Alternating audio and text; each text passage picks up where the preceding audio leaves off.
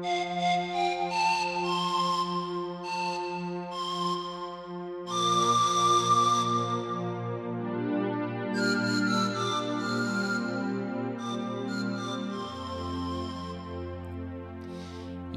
komið þið marg blessuð og sæl og verið hjartalega velkomin í þáttinn á með á nótunum. Ég heiti Natalie og með mér er Óli Hjörtur. Hæ Óli. Heia Og enn eina ferðina er gestkvæmt hjá okkur krökkunum og það er mjög góðu gestur að þessu sinni. Uh, það er engin önnur en Hrönn Svinsdóttir, framkvæmt að stýra Bíóparadís. Góðan Góðan og blessaðan daginn. Góðan daginn, takk fyrir að bjóða mér. Velkomin í þáttinn og það þarf að valla að taka það fram en ég ætla samt að gera það. Við erum hérna stödd í Bíóparadís að taka upp þennan þátt. Sittum inn í hodninu og erum að hafa það kósi. Uh, ok, byrjum bara byrjum á byrjunni, bara velkomin og takk fyrir að koma og vilja tala við okkur og vera með okkur að fara yfir málefni líðandi stundar. Já, takk fyrir að bjóða mér. Ég, Hva- mér liður bara mjög vel hérna á heimili kvikmyndana. Eða það ekki? Já, já. Hvað, ok, hvað segirðu? Hvað, hérna, hvað er að frétta þér? Þú ert, að, þú ert að fullu að hérna, stýra besta bíói landsins. Byrjum þar. Já, það er náttúrulega bara alltaf, alltaf sama, hérna, sami hamagangurinn. Það, það, þetta er bíóið sem aldrei sefur. Og hérna, ég minn um í mig svona slókun fyrir hérna bíópartís Erlendis. Ég er náttúrulega nýkomin utan frá krakka mínir. Og við ætlum að fara að einmitt yfir á það. erlendri grundu að, að, að kynna bíóið en ja, þar var ég nú reyndar að festa kaupa á uh, öllu þessu efni sem við erum að sína hérna. Mm. en já, þá erum við að kynna bíóið sem uh, The Best Art House by the Arctic Circle. Wow. örgla eina sko. Eða The Hardest Working Art House Cinema. Ég ætla bara að fá að taka undir þetta tvent, sko. Já. Þetta er bíóið sem aldrei sefur og fólk að það bara trúir því ekki þegar maður segir þeim frá þessu verkefni hérna uh, norður við heimskautsbögin að hér séum við að starra ekki að svona metnaðafyllt bíó sem að sé að sína allar þessar frábæru myndir fólk bara, fólk bara trúið ekki sko.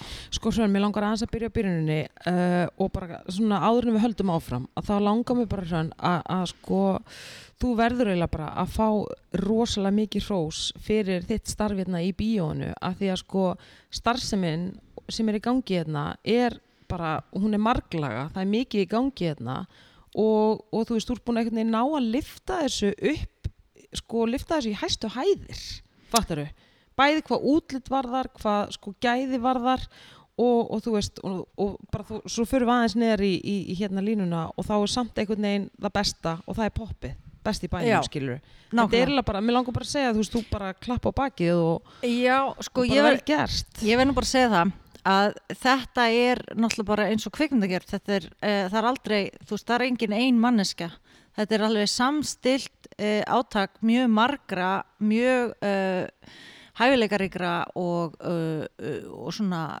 dugleira einstaklinga og bara fólk sem elska bíó, það er bara þessina sem að bíóparadís verður það sem það er í dag. Já, einmitt. Af því að við vorum með bara fólk sem að uh, nennir þessu og, og leggur hönd á plóg og gefur af sér og kemur og svo náttúrulega bara er við, þú veist, ég var reyndar á tímabili sko þegar við vorum í rosalegum fjárhagsvandræðum þá var ég að hugsa sko ef allt fer til fjandans þá verður þetta svona sértrúasöfnuð því að þá fáum við svona tíund veist, að því að fólki fannst þetta vera svolítið svona sérviskulegt í upphafi bara, æ, er, er þetta ekki bara einhverjir svona sérvitringar að horfa okkar bíó saman, ég menn, er þetta ekki bara eitthvað raugl en svo náttúrulega hefur eitt leitt, leitt að öðru og nú eru bara alltaf fleiri og fleiri að aukvita að bíópartís er bara svo sannlega fyrir alla og er bara skemmtilegt og öðruvísi bíó, það er ekkert endilega eitthvað listrænt bíó, ekkert frekar en þú veist, hvað sem þú vilt kalla það, skilur En já, ég, eins og ég segi, bara allt þetta, öll plakkutin, stemningin, innréttingarnar, myndirnar, þetta er allt saman uh, átak uh, margra. Já, þú varst með gott fólk í kringu þig, það Já. er alveg augljóst. En aftur að þessu sem að þú varst að segja sko, uh, uh, þegar bíóið var í fjáraskrökkum og Mhm. það var, stemdi, það var tvísýnt á, á köplum, Já, þá já. fannst mér koma svolítið sko, mjög vel í ljós hvað reykvíkingum og fólkinu hérna finnst um bíóið. Það varð allt vittlust, það urðu allir brjálaðir og það urðu allir uh, svona það greip um sig eitthvað svona, ótti að þetta bíó væri að fara að loka ég allan að fann fyrir því að það var mikill svona samtakamáttur í því og mikið og, og stórt hróp um það að þetta bíó myndi ekki loka Já, það var líka á þeim tímapunkti þegar þetta var þarna í gangi um COVID þá sko við höfum við höfum upplifað miklu verri tíma fjáraslega sko fyrr af því að þegar þetta bíó byrjaði þá vorum við ekki eins og með amminlega græjur til að sína kvikmyndunar og það mætti enginn. Svo að það var eiginlega versta tímafél sem við höfum lifað. En svo vorum við komin í þá stöðu að fólk var búið að kveikja á þessu þetta var orðið vinsælt, allir, fólk mætti við vorum bara að slá hvert aðsóknarmetið á fættur öðru en við vorum samt eh, að lifa í þeim raunveruleika að við vorum í húsnæði sem var bara gjörsanlega að, að, að detti sundur, þú veist það var ekki hægt að poppa og, og hérna þvó upp í upptáttavélinu á sama tíma og sló út. Wow. og þú veist hitti, hitti rama klósett, þú veist það var allt í skralli hérna. Og, og það átti að hækka leiguna svo að þú veist þá, þá kom þetta hérna uh, þá kom bara svona neðar kall frá okkur því að þú veist við gætum ekki stað undir hæri leigu og reynd að taka þetta húsnæði í gegn sem að var algjörlega óbóðlegt sko. Mm fyrir utan það að það var ekki hægt að komast í hjólastálinn í sal 2 og 3 sem var bara hræðilegt. Einmitt. svo að hann en, en þá vorum við orðin þú veist, búin að vinna okkur inn svona ákveðin sess held ég í hjörtum reykvinga og bara landsins. Já, heldur betur. Og, og það var, það var aðeinslegt hvað margir hérna bröðust við því og voru bara, nei, veistu það, af því að það var svolítið gaman, fyrstu árin sem ég var að stýra þessu, þá var fólk alltaf svona, til hvers er þetta og þurfum við þetta? Og þá var enginn, þá þetta var 2020, það var enginn að spyrja til hvers er þetta og þurfum við þetta. Mm það var bara, já, jú við vitum hvað þetta er og við, vil, og við bara þurfum þetta. Já, það var alveg deginum ljósara og ég verða við ekki að, að mér, mér þótti svolítið vænt um að sjá hvað allir einhvern veginn svona það, fólk vaknaði alveg bara við það að það var, yrði, myndi breytast í einhvers konar bara martröð ef að þetta bíó myndi loka.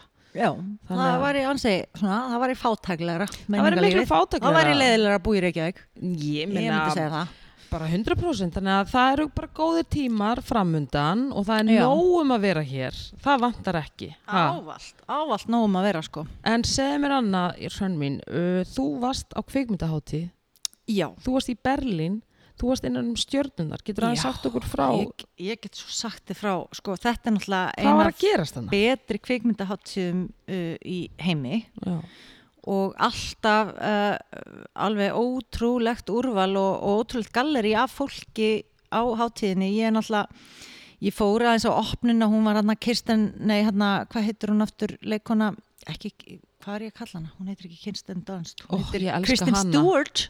Uh, Indi. Stewart, hún er hún- svolítið, Nóli. Hún var formaði domnendar Já. Lelli, já, já, já, já. Og svo alls konar förðufuglar með henni sko.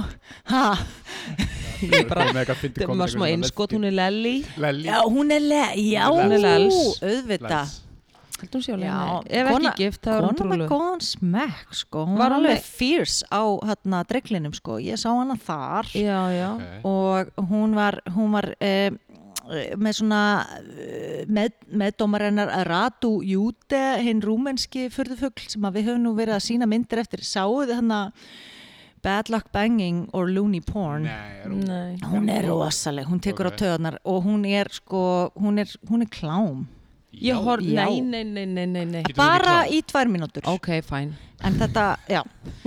Þi? Ok, tvær mínútur, fyrir, fyrir, já, og svo fjallar hún um sko, það, það, það er kennari sem gerir uh, alveg ógeðslega explicit klámvídeó og það er mjög erfitt að horfa á þetta af litlum skjá, hvað þá í bíó með öðru fólki uh, af sér og svo sleppur þetta vídeo út á alnetið og, og restina myndinni eru svona réttarhöldi yfir þessum kennara Uh, það sem allir er með COVID-grímur og farið er yfir víðanvöll uh, hinnar vestrænu listasögu lista og menningasögu, þið Vá. verðið eiginlega að sjá þessa mynd ok, ok, En- ok, Ok. en já, þarna í, á opnunni þá var rætt við hann sjálfan hann Selenski sem að veitti uh, það var með mjög innblásna ræðum gildi Ó. menningar og í rauninni ég var að horfa á þetta, ég hugsaði með mér já, að sjálfsögðu það eina sem getur stoppað svona rugglaða villimennsku eins og þetta stríð þarna það eru listir og menning já, þú veist, það er í rauninni bara eina sem að getur einhvern veginn uh, undið ofan að þessu ruggli því að þú veist, þegar það kemur að því þá einhvern veginn bara þá er, Var Selenski sjálfur á hátíð? nei, hann var, hann var í vídeo hann var, já, hann var á, hann var á hlekk, eða svona Ok. vídeo Er hann já. ekki bara að taka allt svolítið mikið via Zoom? Hann er svolítið sko. en hann var í stuttarmabólnum og alveg, Mm. alveg mjög uh, bíspertur og, og hress uh, þessi hátíð byrjaði mjög vel það var hann Uh, flug, það er alltaf flugvel full af íslensku kvikmyndagera fólki að fara á svona hátíðir alltaf sama flugi, sko, eitthvað Ok. morgunflug Jesus. og það var flugdólgur í velni Ok, og má nefna nöfn? eða? í, ég veit ekkert hvað hann hétt en hann kýldi Jón kvikmyndageramann Nei. Nei. algjörlega ósekju Og var tasateipið tekið upp og... e, það þurfti ekki að teipa manni niður en það, uh, það var lauruglu fyllt þegar vélinn lendi sko það var bara lauruglan Var og hann á læti skallanum eða var hann reykja eða hvað var hann að Ég gera? veit Var hann nú bara ekki dó? gert þetta en hann var reykja. með alveg, hann var með mjög mikið af vodkaflöskum í Ah, farangrinum Mini og hann satt við hérna á Kristni hérna í Trúnorð uh, einn af uh, hann er framlegandi já.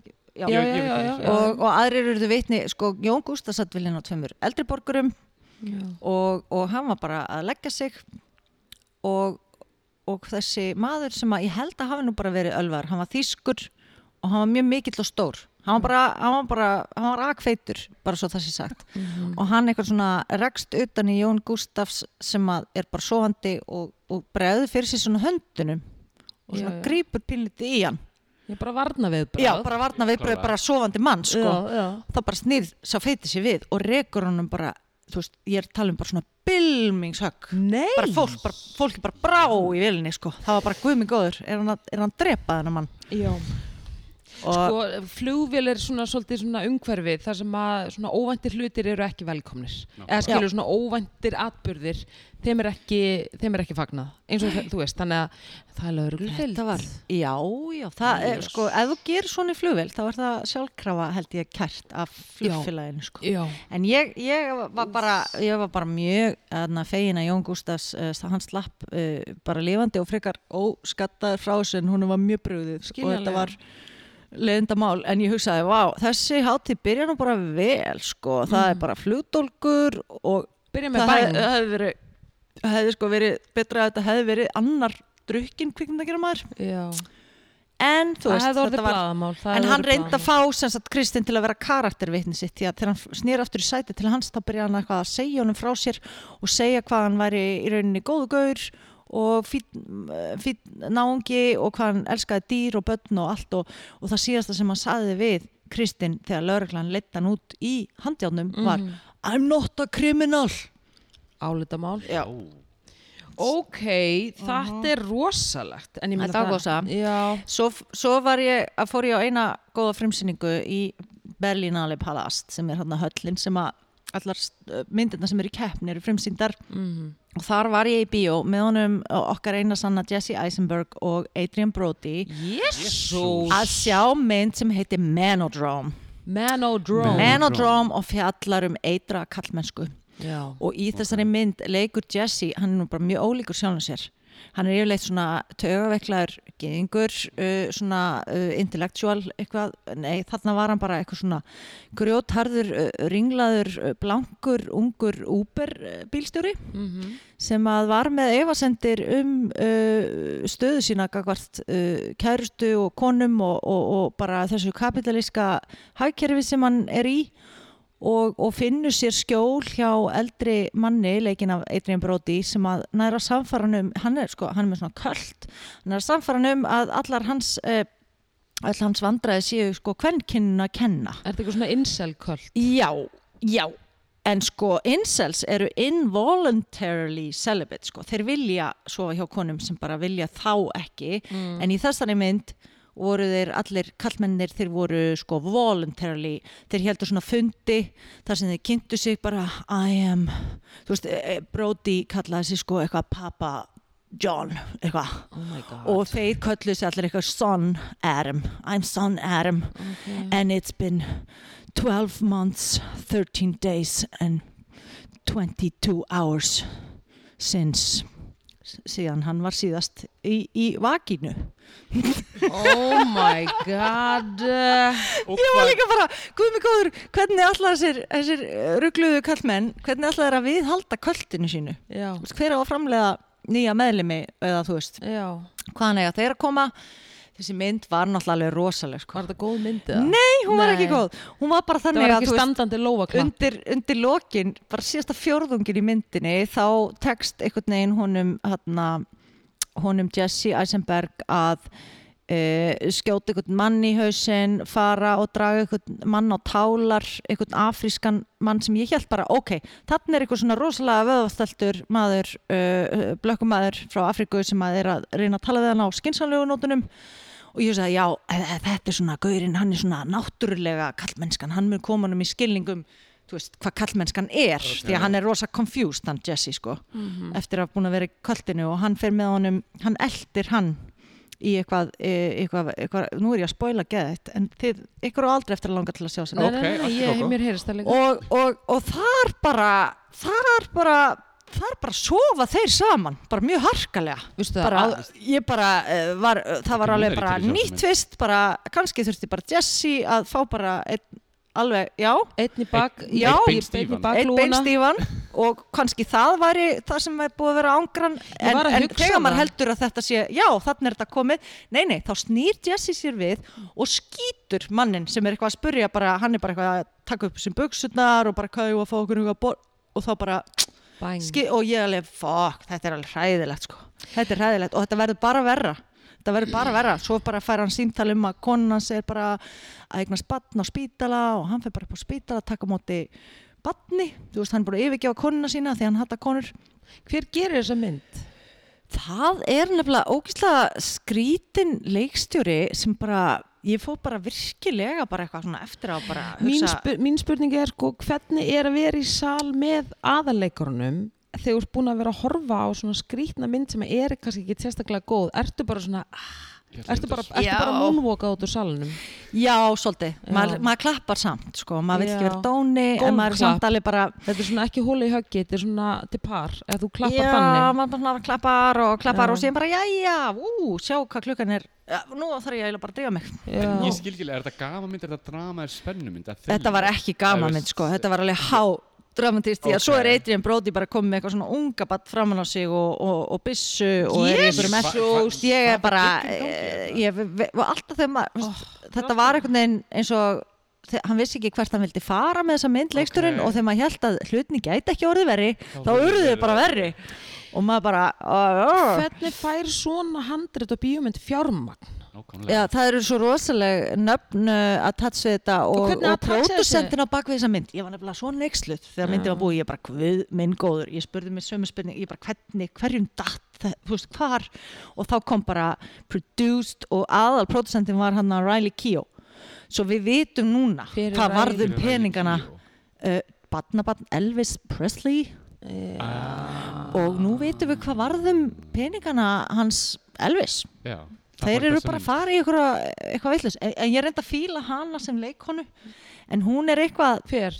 uh, Riley Keough Já, já, já, já, já. Mér finnst hún góð. Sóla, myndina þess já, hún, hún produseraði hana já, já. mér fannst hún reyndar ekkit Allt í lagi. ekkit sérstök en mér fannst þarna Twitter þráðurinn sem var byggð á alveg ég hérna Hvað var það? ég, ég hágrét úr hlátri yfir Ok. þetta var svona óksla skrítin saga af stelpu sem ákvað að fara með einhverjum strippara til að meika pening í Vegas og það náttúrulega endar með að vera bara eitthvað rosalegt rugl. Já. Ég hef nú bara strax skemmtilegt. sagt ykkur það við að bara fara með Já, strippara til Vegas. emmitt, maður er bara þetta geti nú ekki farið hvað geti farið úrskeiðis hér? Nei. Ok, en þú hittir allavega Adrian Brody og krakkana. Já, þú veist, já, já, já.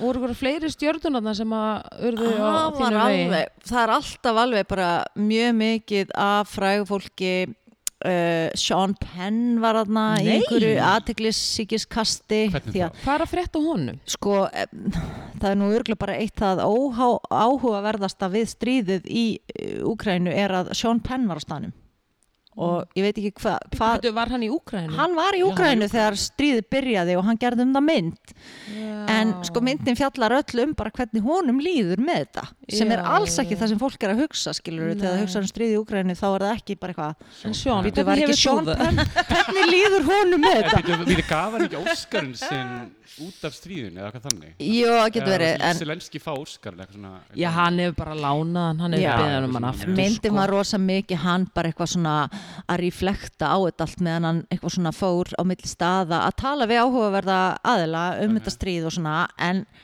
en, en þetta var rosa uh, mikið svona narcissistic skoðun á einhverjum viðburði sem að uh, sko, það er, það er engin að pæli hvað þér finnst Sean Penn þó þú sért frægur. Já, já, en þetta er, þetta er bara En þetta er geðveila en hann kom eitthvað fram á svið og var að kynna sem mynd og hann skalf svo mikið.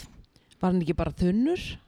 Það er Já, rosa mikið drikkið þarna, við vitum það öll. Ok, kannski var hann timbraður eða Mm. hann er með eitthvað parkin, veist, ég, Ég var það svona mikið? Já, Hann var svona, Æ, já, já, hann var já. svona rosalega hrumur einhvern veginn og svona tínandi eins og, eins og fólk gerir sem er miklu eldri en hann. En hann er náttúrulega orðin alveg eitthvað gamall Nei, hann er ekki það gamall. Hvað er að Hvað er hann um? gamall? 60 eitthvað Fín. Hann, Madonna er 60 eitthvað sko, hann er 60 eitthvað Hann lítur sko ekki út eins og Madonna. Ég veit, Þeir Madonna er náttúrulega ekki. Þeir sambarileg sko. og heldur ekki. Raka Gísla Madonna Hvað? Hvað? Madonna og Sean Penn, þið voru gift náttúrulega Ég veit allt um máli, Já. þess vegna er ég að koma með hann Nú, Ég vissi það, jú, jú? Ég var, bara búin að glemma. Það, Ah, en hann að, já, mér fannst hann, uh, mér fannst hann vera svolítið svona eins og, kannski er hann bara með eitthvað svona, eitthvað svona post-traumatic stress. PTSD. Já, eitthvað svo leys, uh, PMS. ok, já uh, En ok, þann, en, en þannig að þú gengur sátt frá þessari kvikmyndaháttu Þú ert ána Mjög með svo og Já. það var ein mynd sem að ég sá bara daginn af því að fluginu mínu var eitthvað senka og ég ákvað bara að skella mér í bíó as you do, þegar Mm. maður er með svona True. Uh, passa og, og allt er í búið þarna. Og, og ég fór að sjá mynd sem var í keppni sem að heitir 20.000 bíflugur. Fjallar um uh, barn í hérna, þetta er, er frönskumælandi eh, Baskaland. Þetta er frönsk, neða þú veist, þau eru alltaf að tala spænsku í þessari mynd, ég er ekki alveg með á hreinu hver þetta er staðsett, en Ekki katalónsku? Jú, kannski allir sé að tala katalónsku. Jú, þeim ég myndi halda það. En hún er, eh, hann eða hún það er svona óljóst hvers kynns barnið er barnið er líklega sko líffræðilega kannski kallkynns en, en, svona eh, er svona stelpulegt en, en er svona, þú veist, fólk kallar hann sitt á hvað, Ok. alla myndina. Og þetta er alltaf rosalega confusing bæði fyrir barnið sem veit ekki alveg það er alveg svona rosalega mikið svona spurning uh, af hverju er það svo erfitt fyrir mig að vita hver ég er. En það, þetta fjallar líka rosalega mikið um hana, uh, bíflugur Já, og amman eða frænka bassins er bíflugnabóndi og barnið læri rosalega mikið um hana, sjálfan sig og náttúruna og, og svo er þetta líka bara svona ótrúlega falleg fjölskyldusaga því að það eru allir í kringum þetta barn rosalega svona confused hvernig að taka á heitir Þannig að þeir eru bara honum á mikið eða eigum ekki bara honum að vera eða hann eða hún eða skilur, hún heitir 20.000 tegundra bíflug 20 stendur og þetta barn er ótrúlegt í sannig mynd og myndin er sko gullfalleg og, og bara æðisleg. Og Eigum við á að fá að sjá já, þessa mynd? mér langar svo að sína þessa mynd í, hérna, í Bíóparadís því að e, ma, það, það kemur engin ósnortin af þessari mynd. Ó, gott að heyra. og, og svo er- kemur það svo skemmtilega óvart að þegar ég var að skoða því að ég náði ekki, ekki að vera alla hátíðina og ég sá ekki myndina sem vann en barnið sem leik aðhlutverki í þessari mynd fekk leikaravelunin Ú, fyllilega verðskulda. Ég var alveg bara ég var ástfangin af þessum leikara. Fylgir sögunni hvað mynd vann á Berlinale já sko hún myndi sem vann ég sá hann ekki, hún heitir Sur La Damant.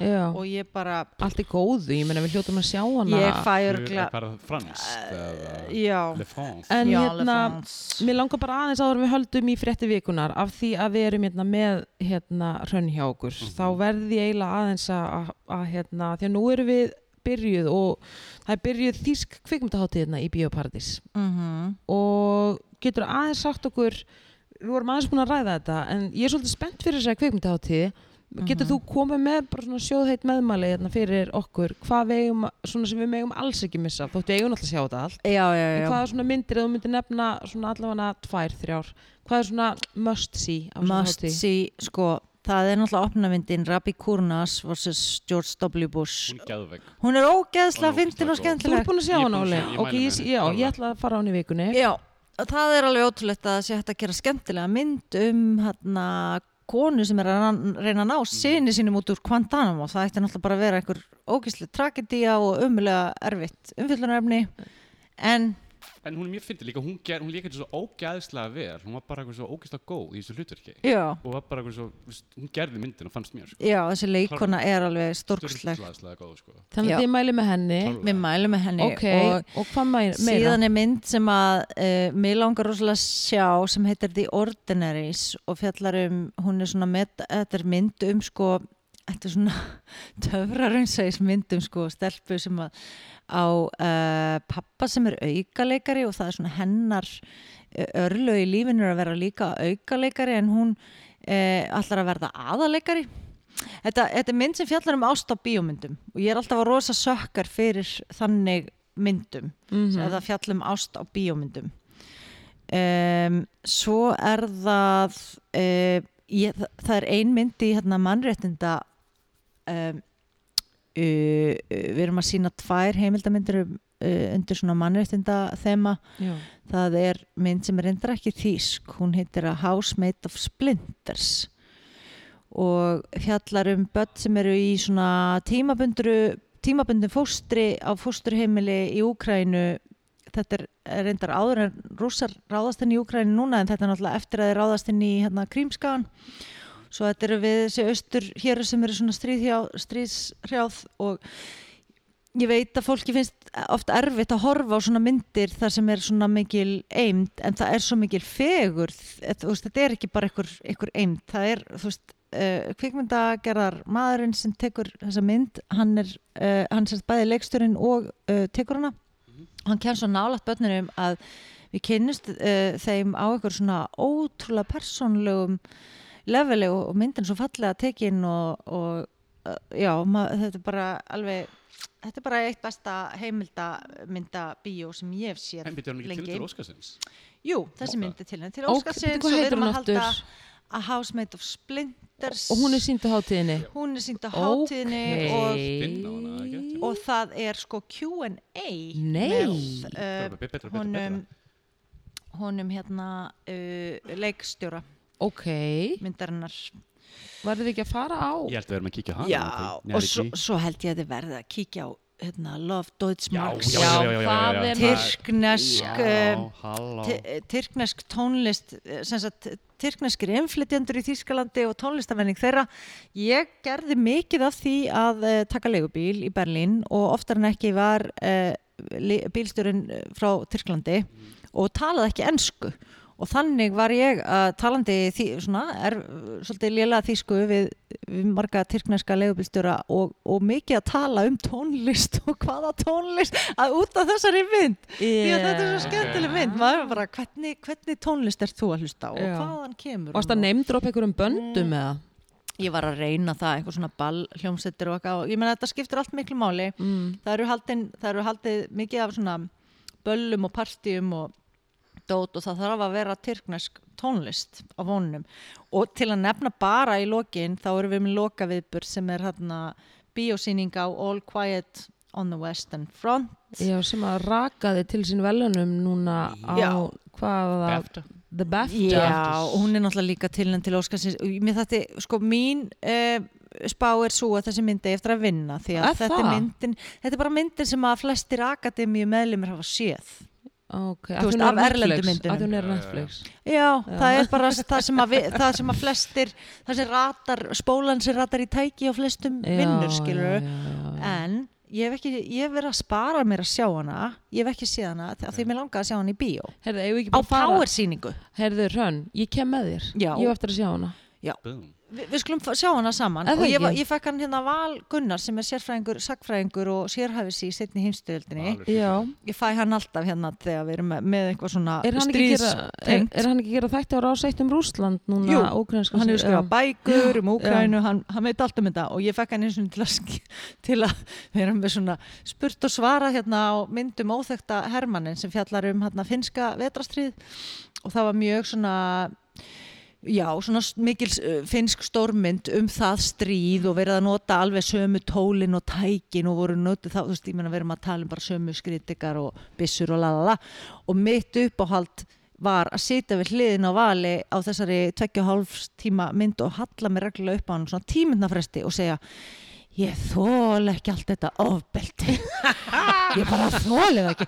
Já, ég er eftir á mjög erfitt með strísum ég, bara þól ekki Nei, þetta ég, sam, ofbeldi. ég sammála bara menn skotnir í hausinn Já, hinga á þanga Ég sammála þér. Ok. En Hrönn, Já, við, erfitt. Hrönn. En við, við skulum vera saman á þessari síningu já, við, og við skulum hafa val svona innan seiling og þá get ég svona reglulega svona við verðum með Val Gunnarsson á einu kantinum ofbeldi, og stóran popp á hinum kantinum og þá komumst við í gegnum þetta. En stríð hvað með sóta? Engin sóta? Auð- Sjálfsögð er sóta, no Já, need of mentioning já. En ok, við segi bara, ef þið ætla að sjá þessa mynd, sjá hana bara í bíó. Já, veistu það, takk fyrir þessa Þessi eina sýning. Já, takk fyrir þessar álengingar Manstu dagsninguna á þessari sýningu?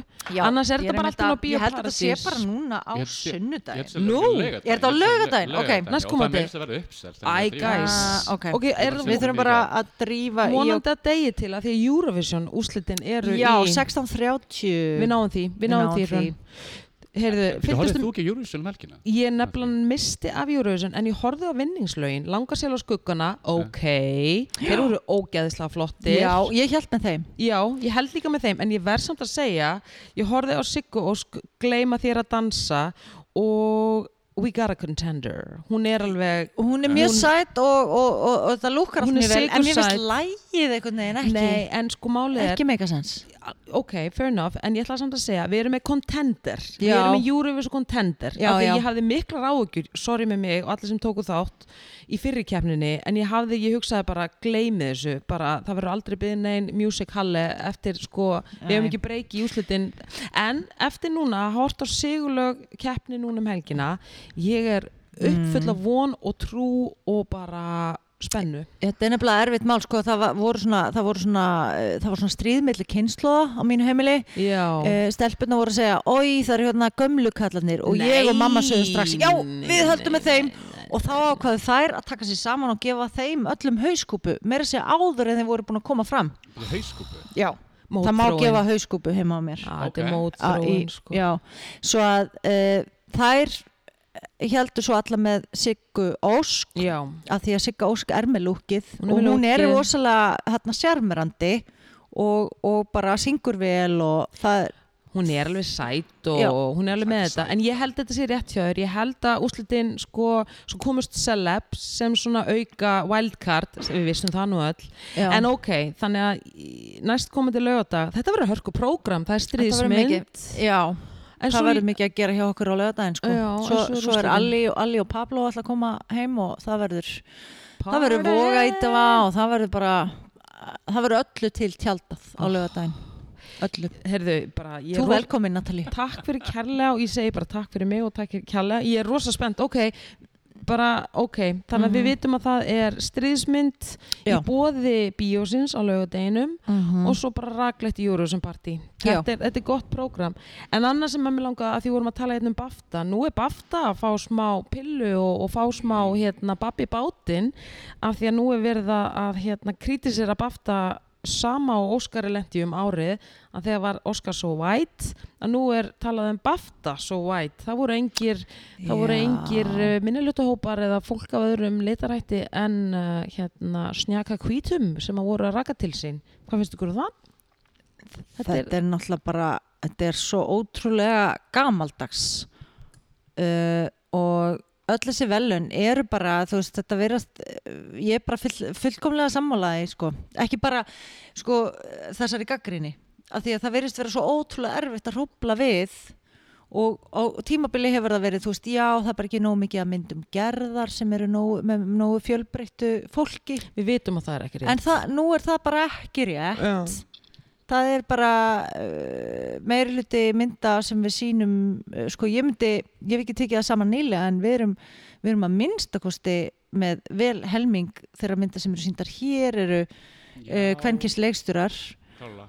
og það er alltaf að verða þetta er alltaf að verða fjölbreyttar en það er einhvern veginn ekki að skila sér inn í þessi Nei, En er ekki bara dómararnir eða þeir sem velja þú veist, dómnefndin. Dómnefndin nákvæmlega, þeir eru bara svol- svolítið gamalt, er þetta ekki alltaf bara eitthvað gömlum búnas? Já, en sko hver er að velja þess að dómnefndi má ekki hans hrista upp í því hafa bara hvernig fór fyrir Golden Globes. There you go, There you go Já, það, er bara, en- það er bara saga sem enginn vill endur taka sko. Nei, en kannski er bara nákvæmlega þetta sem að þarf að fólk þarf að, að hérna, skjóta sér svona í fótinn eins og núna og þá kemur eitthvað svona verður fólk hérna blöskrar fólki og það vill breytingu en það er komið að bafta.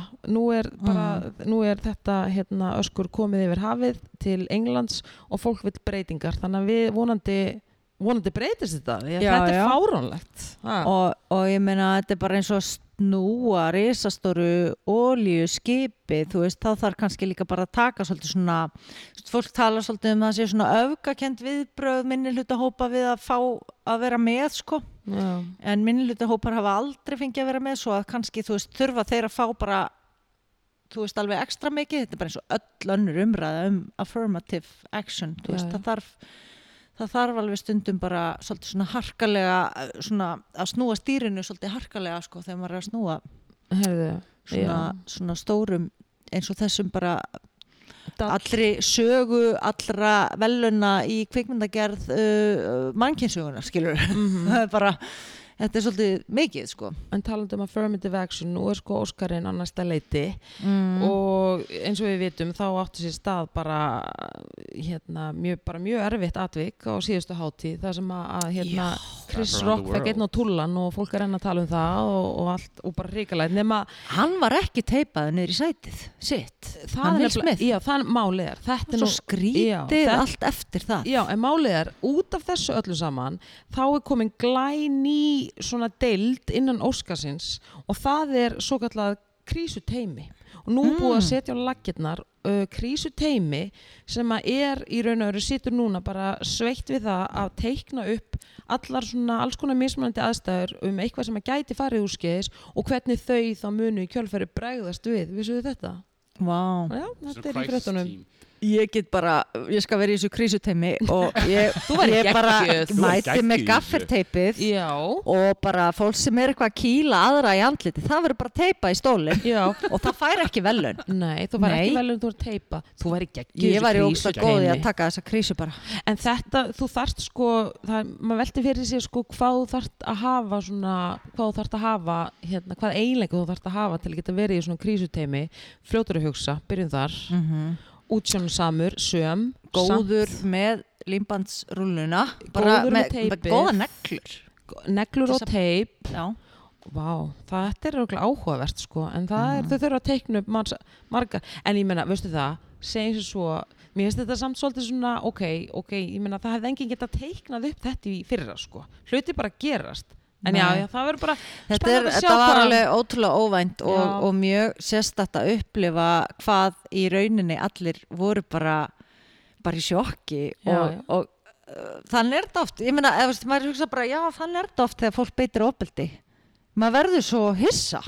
Þú er ferðið sjokk. Maður veit ekki hvað maður á að gera. Þú ferðið sjokk. Já, en ok, ég, ég er allavega spennt að sjá hvað gerist og hvort að það þurfa að ræsa út þetta krísuteimi sem er búið að mynda. Já.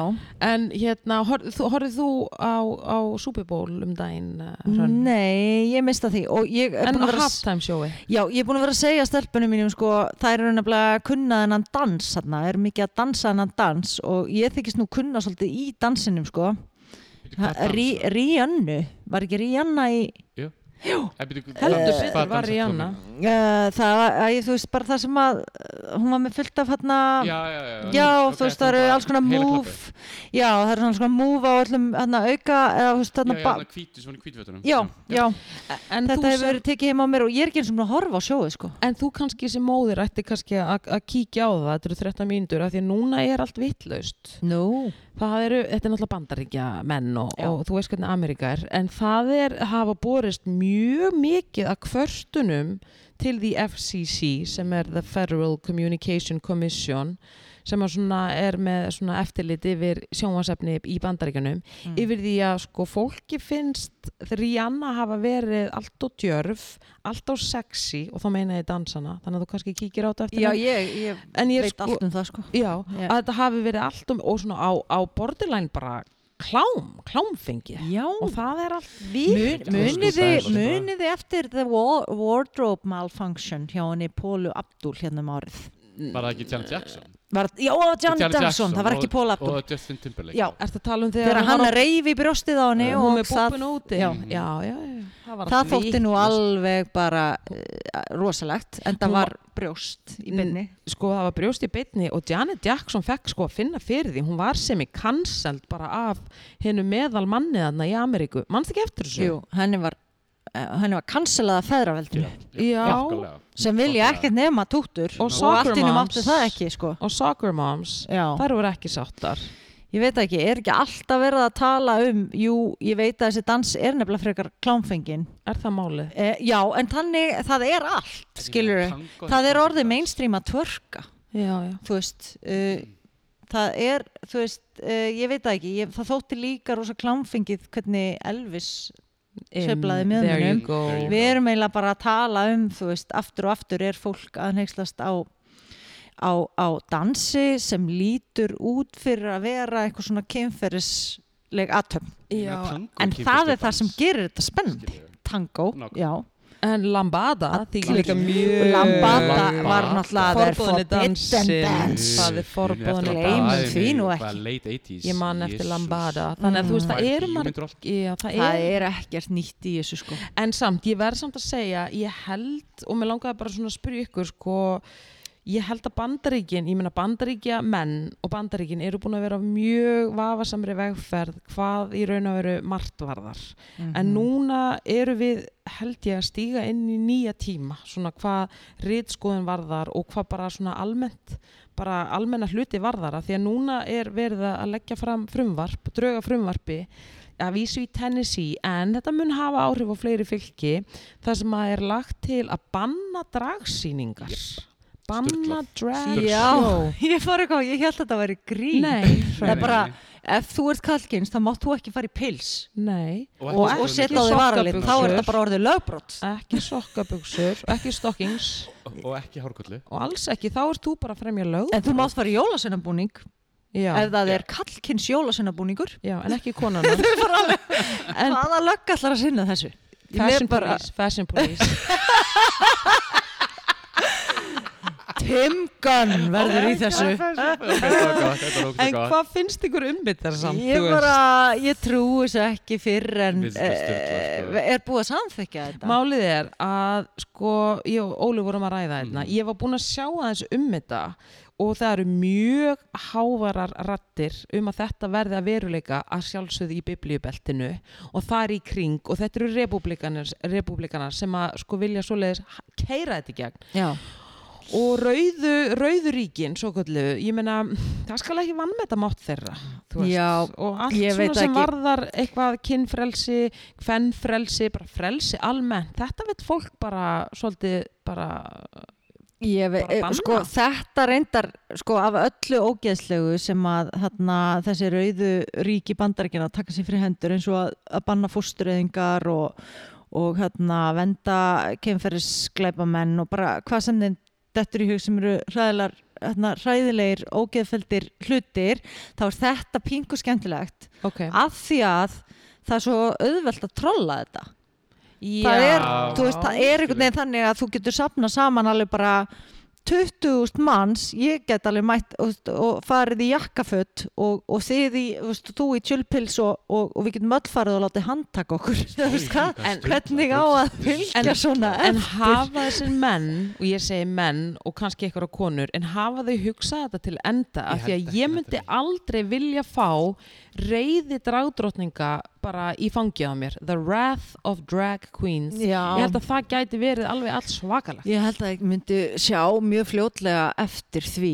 þú veist það mæta bara í háhælu stilettos og ég meina þær geta sparka frá sér sko En ég Já. meina, er þetta ekki líka bara eftir það sem líka búið banna að þau vil ekki hafa transfólk sem dæmi og líka kemur, kemur þaðan, er þetta að koma þaðan? Mér gruna það og líka þarna, þú veist, hán, allt það, öll þessi umræð sem er í gangi um þessi kyn, mér gruna þetta sé líka, sko, drægið er bara þaðan að komandinn, skilur. þannig að drag er svona það, sko. þau vilja meina að, að drag, dragið sé partur af þessum kynusla sem er að eiga sér stað Allt sem er öðruvísi vilja það banna. já, þetta er bara, já Já, það er bara, það er bara svo glettilega auðvelt og örgulega skemmtilegt að trolla þessi lög já, og já. gera þetta þannig að það er algjörlega ómögulegt að fylgja þeim eftir Ég vona bara að þau verði ekki að veruleika That, That's Nei, all já. I'm saying af því mér finnst þetta svolítið svona svolítið scary. En ok. Það er ótrúlegt hvað Ok. fólk tekur sér fyrir hendur. Það er rétt, það er rétt. Heyrðu, ok, ok, skulum, það er enna ná, svo var annað, an, aðra fréttir sem langaði þess að byrja undir ykkur. Og við, aftur erum við í bandaríkjunum og nú erum við komin til New Jersey.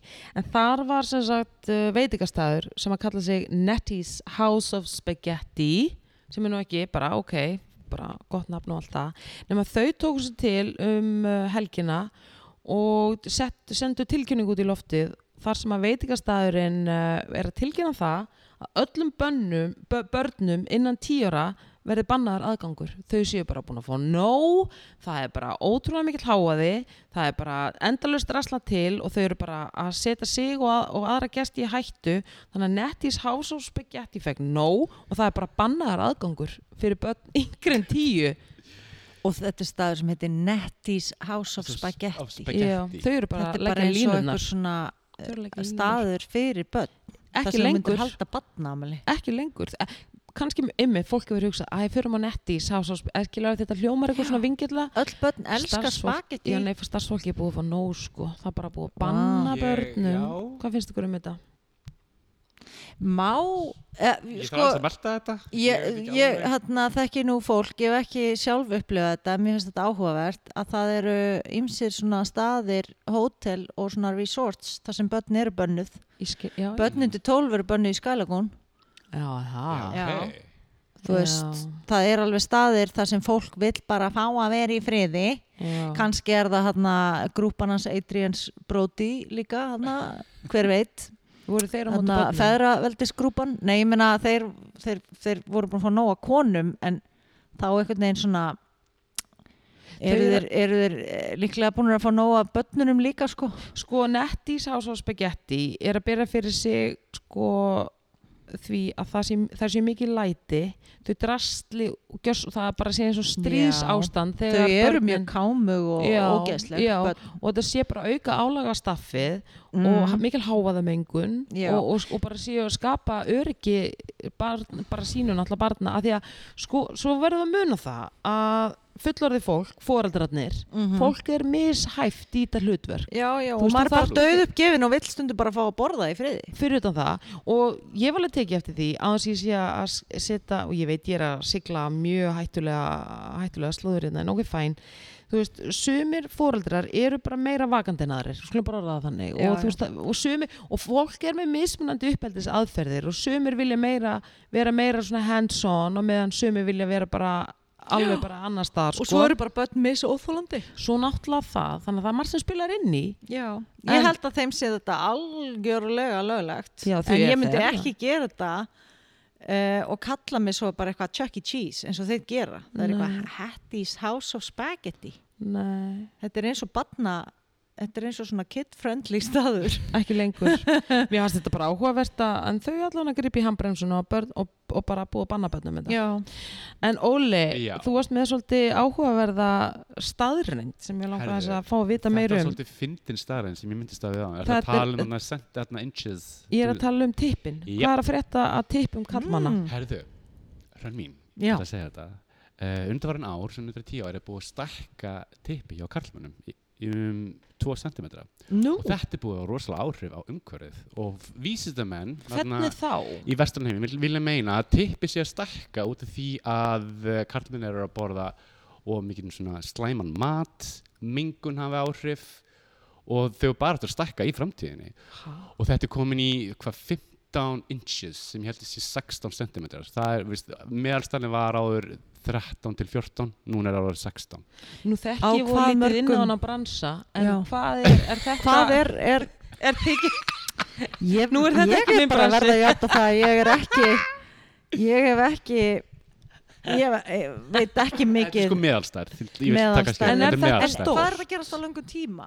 10 árum Ó, Já. svona stutt Já. tíma Ég ætla að segja bara, já, ég meina það eru uh, allir að stækka og hækka þú veist, með meira hérna Já, en þetta, Eh, að en, þetta, en ekki á síðustu tíu árum, það er náttúrulega alveg galið það er galið sko, og líka hérna sem sagt, og hefur þetta líka áhrif á sæðisfrumur og, og hérna karlmennir að geta núna minna sko. Já, þeir eru já. ófrjósemin já, er takk fyrir það, algjörlega ófrið sem að orðið svo að við erum að fá stærri tippi og, og getulösari já, Ég var eitthvað búin að sko, heyra að getuleysi væri svona, it's on væri the rise on the rise Mhm. en ekki að, að hérna, cocktailplusan var að stækka ég var ekki Nei. búin að heyra það en ég meina, hva, nú, eins og ég segi ekki með bransi, þannig að nú Uh-huh. er ég bara með raunverulega spurningar hérna Ok. Já. um, er þetta til þess betra eða verra? uh, sko, talking as the gay guy ég vil Já. segja til verra til verra? til verra, já, ég meina Mhm. ekki viltu fá eitthvað, þú veist, 20 cm gondola uppi Nefnilega alls ekki, Nei. þess vegna er ég að spurja Ég er að mynda að segja að down the road er þetta orðið frekar svona já, down the road, nákvæmlega, þá er þetta orðið frekar svona hættuslóður, sko Já. og Ég- ímslegt þetta gæti ripnað hana Hvað segi segirðu? ekki meira, ímslegt gæti ripnað hana ég ætlum ekki að segja meira Gæti ripna og valdið óþægindum já, mjög miklu móþægindum Hvað gera þessi gæjar þá? Þeir eru með, kominu með einhverjar djöðs rana og, og enginn vil fá þetta í sig Þetta er nefnilega einhver svona erum við ekki bara að verða eitthvað svona úrkynjað reis því að þú veist, við Jú. vorum eftir að tala um það bara í gerkveldi, þú veist, en, eins og þetta með badneignir, þú veist, hver sem er geti bara, þú veist, eigna, eignast badn Aha. hvar og hvernig sem er þú veist, það er að fara að verða liðin tíð það verður bara, við verðum öll bara ófrjó og þú þarf bara að sækja þetta í sæðisbanka og, og egg, þú veist, þú veist bara að fá að sækjum leifi fyrir að fá kynfrumur og Er það ekki bara að hennu góðar. Sorry með ég er mig. að segja það. Ég held að ég, ég, bara, hef séð þarna nokkra típur úti sem Já. að maður hugsa bara ég var alls ekki að segja ég þetta með neikvæðum formerkjum. Ég var að segja að bráðum verður bara gildir bara einhverju lög. Þú bara sækir um að Já. fá kynfrumur. Og ég vil bara fá að heyra þess í því hljóðið að hún sækir um. Bara Já. hvað er að frétta bara heima að borða núna sko. Já, og bara Ertu- hvað ert að horfa á og, og hvað ert að gera við lífið þitt? Já. áður þú býður um, um einhverjum, öðrum í það. Er það Já. ekki? jú, Mér finnst það bara að vera heilbreytt En það verður þannig að það þarf, ma- mamma sko var að tala um að það þurft að gera alltaf ófrjóðsama, ég bara, það er allir að verða það Ég tala ekki um að við allir eru að fara að fá einhver rísastór hérna, ófrjósemi. Jesús. eh, þá er þetta líka bara að verður Almáttugur. þetta svona aðgengismál sko,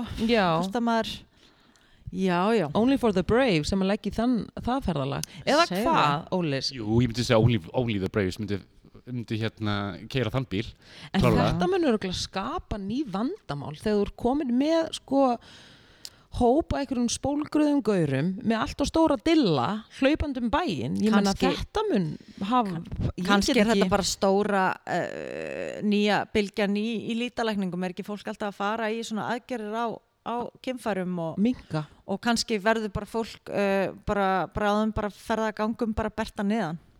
eða auka sölu á svona ferðavakinum svona plastvakinum sem að er ekki gaurarnir að nota það sem einhvers konar kynlífstæki?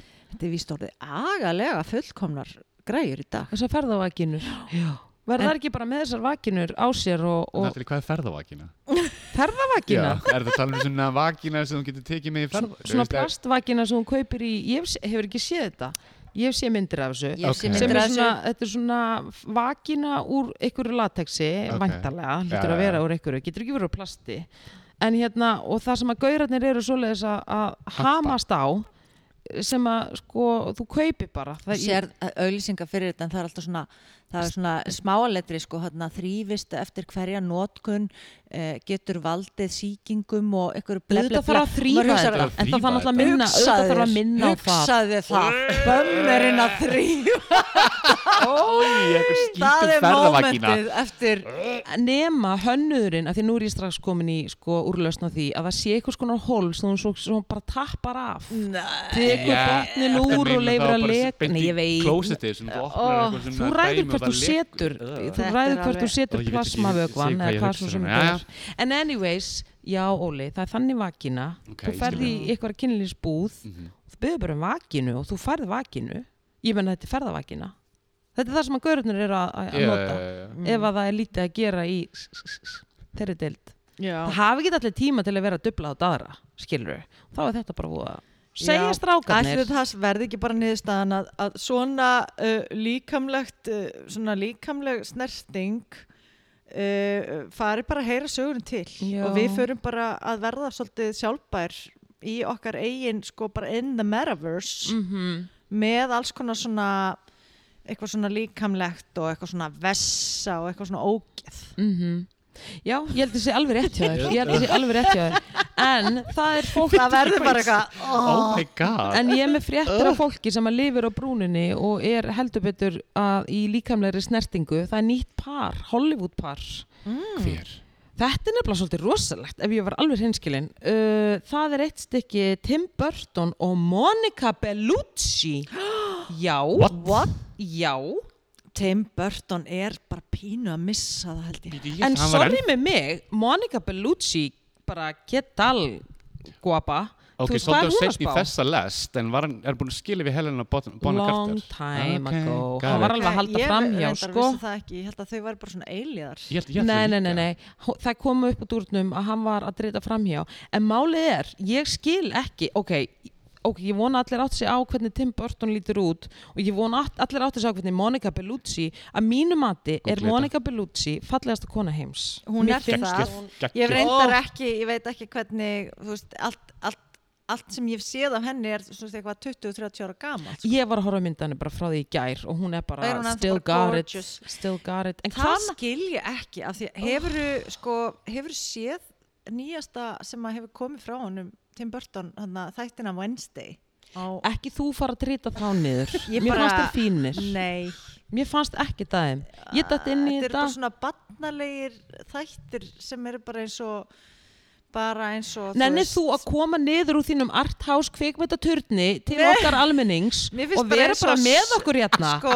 mér finnst bara svo, Jésús eins og sveppi hafi geta og svepp er alveg fýtt Sveppin er bara fýtt sko. ég, mér finnst þess að þetta hafi verið bara eitthvað svona sem að þú veist, er, þetta er ekki einhvern veginn Tim Burton, þetta er meira Ég svona held bara að það sem ég sé að ruggla þig hrönn er að þetta hafi verið bara Tim Burton sem gerði þetta en þú bara pælir í, ok já, það sést Ná, það sést ekki. ok, fæn, en ég held bara ef þú bara pælir í því, fyrir það sem þetta er. Þetta eru bara einhverjir þættir sem sem einhverjir sko úlingar svona úlingadrama, þar sem þau eru eitthvað að gera og eða hvað, ég þetta er Nei, við þetta. hef, veist, ég hef verið að horfa á þetta dóttir mín sem er áttara. Fannst þér þetta alveg fílar hrikalegt þetta vel og ég bara svona hvaða þetta er náttúrulega ekki Burton þetta, er, er svona, þetta er svona bara uh, frekar ódýrt badnaefni Vá. harðsóðið Vó, ok. ódýrt badnaefni Oh. og, og er okkar mikli meistari.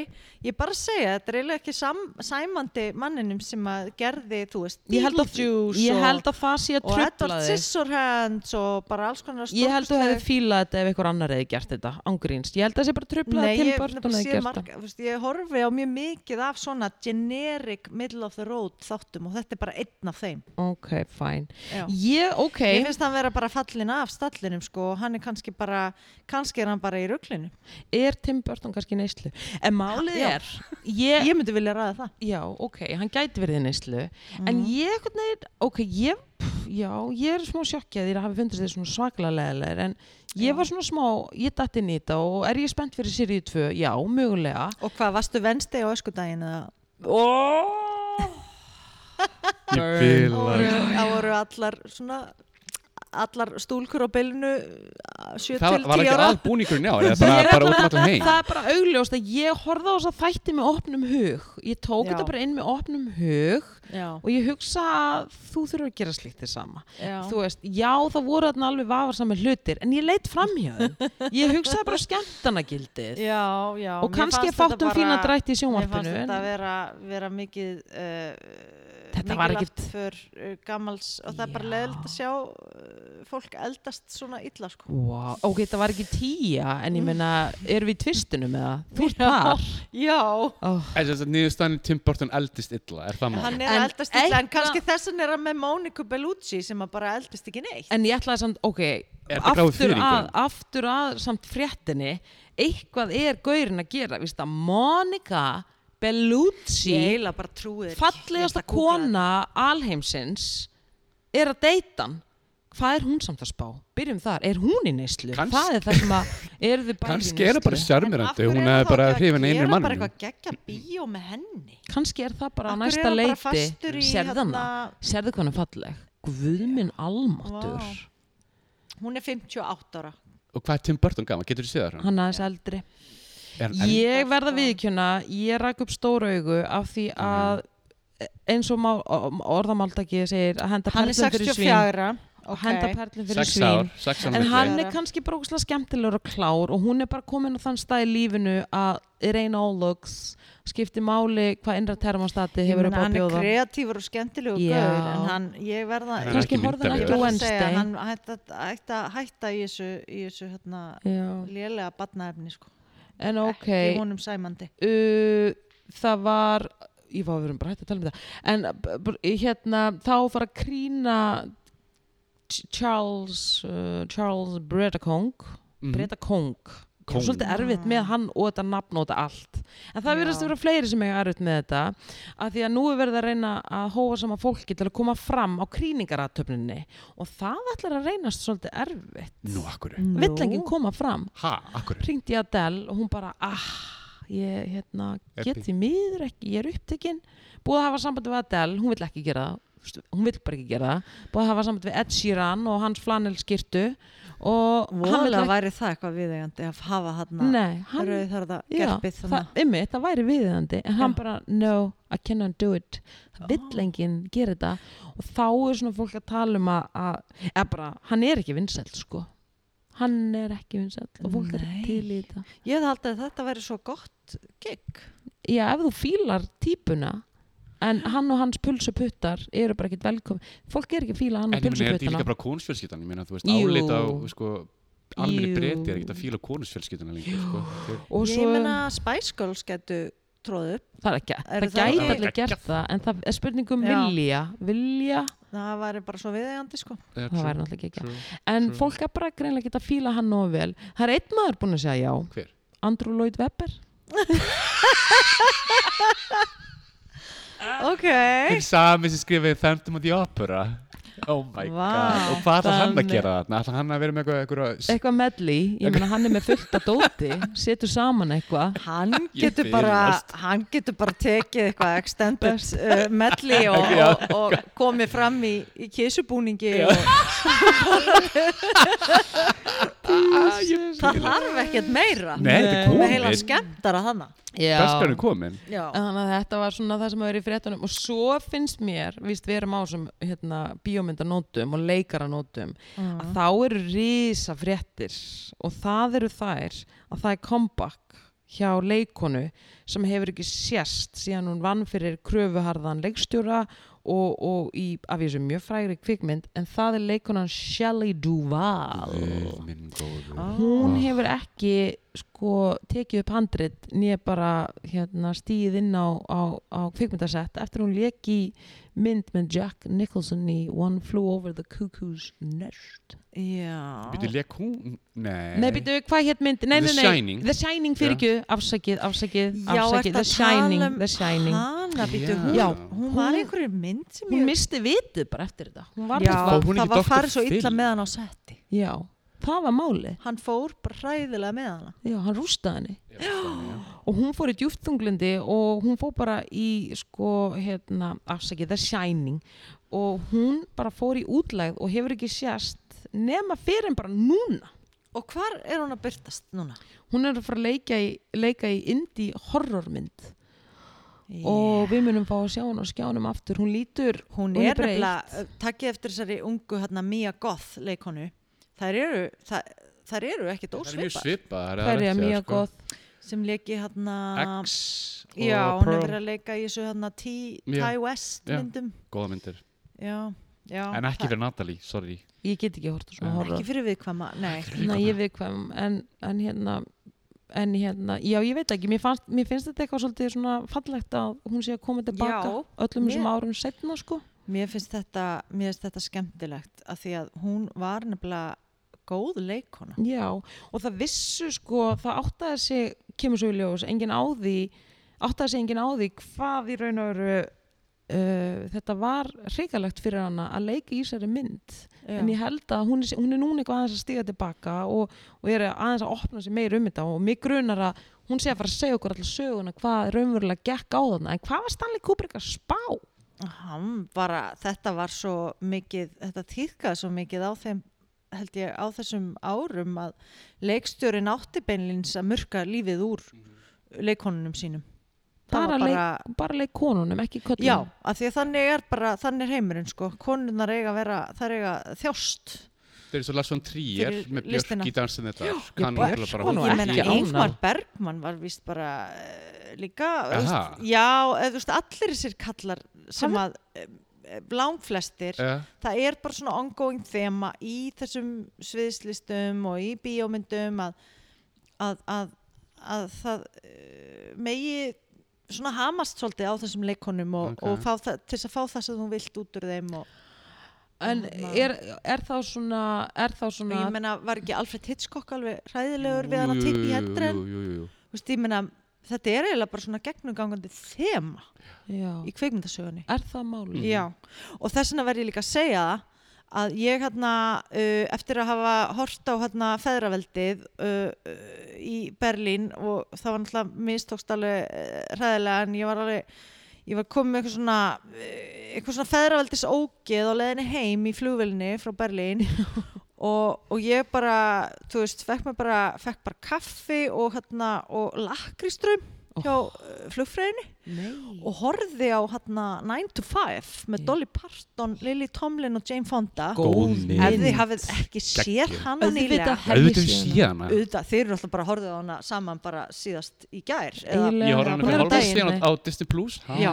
Já, en já, góður, hvað það var mikið gleði já. og hvað þetta er bara þessi mynd, hún verður ekki gömul sko. Nei. Geggjuð þessi mynd sko alltaf körrent alltaf körr Já Dolly náttúrulega samdi lægið sko og Nine to gerði það five. freka frækt sko já, Dolly Ná- er svo dásamleg í þessari mynd sko. Ég ætla að horfa hana aftur Ég ætla að horfa hana aftur komin tími samt á upprifjun sko. Já, það er, þetta er svo, svo grjótharðar, þú stela líkinu þarna, Jane Fonda alveg leikni, hún er líka ógislega fyndin þessi mynd. Einmitt. Ég myndi ekki hún hefði verið svona fyndin. Já, ég þarf að horfa hana. Ógislega En ok, þannig að þetta er bara málið. Þessi gaurar eru bara að brjóta niður okkar allra bestu Já. leikonur Já, og sumar eigu bara og flæma þær úr bransanum, Já, það er bara gömul saga og ný, sko. Það er bara Oh. gömul saga og ný úr Hollywood. dís Og svo þegar þessar konur kannski eh, vogast að, koma sér aftur á fætur og koma og mæta á einhverjar veluna aðtapnir þá er það að ripna niður aftur af því að þær eru, þú veist, aðna, búin að fara í einhverjar lítalækningar eða eitthvað í einhverjum bransa þar sem allir eru alltaf að tala um hvernig þú lítur út. Skilurðu? Já. Þú bara, þú bara getur ekki gerst rétt. Annarkvort þetta er gömulega ljót eða þú ert með alltaf mikið botox eða, En myndur þú samt ekki segja að það sé svona smá að breytast? Af því mér finnst ég, ég verið að sjá núna kompakja á svona gömlum, eldri konum, eldri leikonum sem voru geggjar Já. en þú veist, hafa ekkert verið að vinna sökum aldurs en séu núna koma aftur inn af því að það er eitthvað svona tre- að, að, aðeins að, breytast, svona já, ég public ætla bara rétt að perception. vona það. Ég veit það ekki. Ég ætla bara að vona það að, eins og við vorum að tala um, veist, að það megi þarna að það uh, sé meira pláss fyrir alls konar fólk og þar með talið fólk sem er eldra eða Já, já. fólk sem er ekki uh, passar ekki inn í þennan svakalega þrönga heim eins og hann hefur verið. Já, Shelley Duval er allavega að koma tilbaka og, bara, og við verðum óskanum bara velfarnar. Bara öll minn ljós ég er bara rosa peppuð. Er þetta einhverju svona indie hryllingsmynd? Þetta er Ég veit indi ekki. hryllingsmynd. Málið er sko að ég ætla að brjóta otta mínu uh, hryllingsoflæti og ég ætla að sjá þá mynd sko. Já. Ég ætla að sjá hvort að ég Þú getur kannski hérna- horft á hana í gegnum flýsteppi eins og ég og Alli horfðum á Requiem for a Dream. Ég horfði með ykkur á hana. Ég upphaflega. við horfðum á hana í gegnum teppi. Ég var, veistu Oh. það, manst, ég var, ég var Ég hef ekki mjög- þorað að horfa á hana síðan þá. Nei, sammála, að ég segja þér, ég var upp á framabraut með ykkur að horfa Já. og ég var traumatized. Já, það, kannski, það er kannski, atna, það var byrjunin á það þessu. er kannski ástæðan fyrir því þú horfir ekki á Guð minn hrylling góður dag. að. Bara framabraut það Mamman sem er alltaf að horfa á gameshowin og, og svo kemst hún að í gameshowið og þá ákveður hún að fara að grenna sig og fyrir að, Góminn uh, fyrir að bara taka að taka spýtt. Oh, Oh, Jesus. Ég þess að segja, fyllist að minningi mín á við, við tölum um það, er þegar þið afhómið mig munið já. því? það var mjög- Gott kvöld. Gott. spiritual aðtöfn og mikið þegar ég, þú og Adda við afhómum reyndum. Reyndum. Reyndum, Af hverju það virkaði alveg það? ég var alltaf í sleik við stelpur á Já, djamminu og já. þeim fannst það bara að vera fáralegt Alveg rétt. Þú gerði það samt, þú varst alveg, þú varst streit í klukkutíma ég var steit í klukkutíma, alveg feitt sko. Það mátti, þú varst alveg Ég svakalegur segi Óla bara, ef við hefum bara verið aðeins harðari við hann Óla þá væri hann ekki þessi maður sem hann er í dag. En málið er er, sko, já, fyrir ekki Ég skil mann bara eftir að Hrönn er eitthvað svona talandi hún er eitthvað svona þú ert í eyðimörk þú ert á hesti. Og síðan sérðu konu og hún er nakin og eitthvað svona þannig og þú Já. ert með vampýrus lesbos samt er ekki í gangi allan tíman Já, já, þetta er mjög, mjög skemmtilegt kvöld En ég menna það var allavega góð lyktun á heimilinu, Já, það var nóg reykjelsum, það var rosalega mikið áfengi drukkið og ég held við um öll farið í blackout. Þannig Já. að það var, end, það var Við endingin á endum á prikinu sko Já. Já, Þar var þetta put to the test þessi, og þetta virkaði í smá stund svo bara fór hann aðeins út af sporinu Já. það við hefum bara þurft að halda hann áfram en sko nú er búið að banna þetta krakkar það er búið að banna svona bælingameðferð já, já, Já, það já, er já, bannað. Ha. klálega, sko. við hefum geta verið bara Það teknar er bara lögbrot í dag Já, Það var ef við náttúrulega varum að bjóða upp á svona með ég bara segja það sko, Já. okkur þetta í huga að bjóða upp á svona retreat um helgar fyrir En einmitt, ákvöru vorum við að þessu? En gat ekki verið, samt, við vorum bara að reyna að bæla niður þennan sleik, þessa sleikþörf Jú, þína það við var alls sleikþörfin ég var svo, alls svo duglur að fara skallan og bælingin. einhver blakkut var í sleik það var Þetta er veru 22 ár bælingin. síðan sko 22 Já, ár sem ég en- gerði þetta Þetta ég var veit ekki af bælingin. hverju við vorum að þessu því að ekki, ekki var í. Maður þurfti að hafa sig allan við þegar þú varst komin í gang. Rosalega. Ég man eftir kvöldi sem fór ég på borð og datt ofan eitthvað par Ég man eftir, en ég er ekki að dæma það, Óli minn, en ég man eftir. En þetta er, Uh, It is en what þetta- it is. It is what it is og svona getur gerst þegar áfengjur um hönd það getur bara, það, þú veist, þú getur far, það getur farið í allar áttir Já. en hérna, ef þú hefur áhuga að vita hvað sem mynd heitir sem hún Mhm. Shelley Duvall, sér hvernig hún lítur út elsku kettlingin Vá. Time has not been kind to you en byrjum þetta hvað var svona bara eitt með Selly, hvað vartu málið með Dr. Phil á sínu tíma? Guð, ég Hvað var veit það það ekki aftur? en þú veist, það er svo mörg mál með Dr. Phil uh, myndin heitir The Dr. Forest Phil. Hills. The The Forest, Forest Hills. Hills hver leikstýri þessari mynd The first það? film in two decades 20 ár uh, Scott Goldberg heitir hann hann hefur nú eitthvað hérna náða að eiga gott spjall við hann að víst að náði hann aftur inn á teppið hann lítur að vera indislegu maður að það Goldberg vera. hlýtur eitthvað að hafa komið til sko. að hún, Hún- ákveður að Já. snúa aftur hann er auðvitað mjög indæll, byrjum þar já, og hún er auðvitað með bara sko sálfræðing og, og markþjálfa og eitthvað, Mm. eitthvað rosa gott heimi í kringum sig til að koma henni að aftur í það. já, allar er það vona líka en já, my guys Guð, ég er bara eitthvað, spennt, sko. já, er eitthvað meira sem við viljið ræða ára við fyrir í ammælisbönnin er eitthvað meira sem við viljið koma að? Erum við bara búin að covera þetta? Ég held að ég bara bara að cover þetta. Ok, Mm. ef ég alveg hinskinn ok. Kannski eitt að lókum það var haglél í LA núna Já. í vikunni.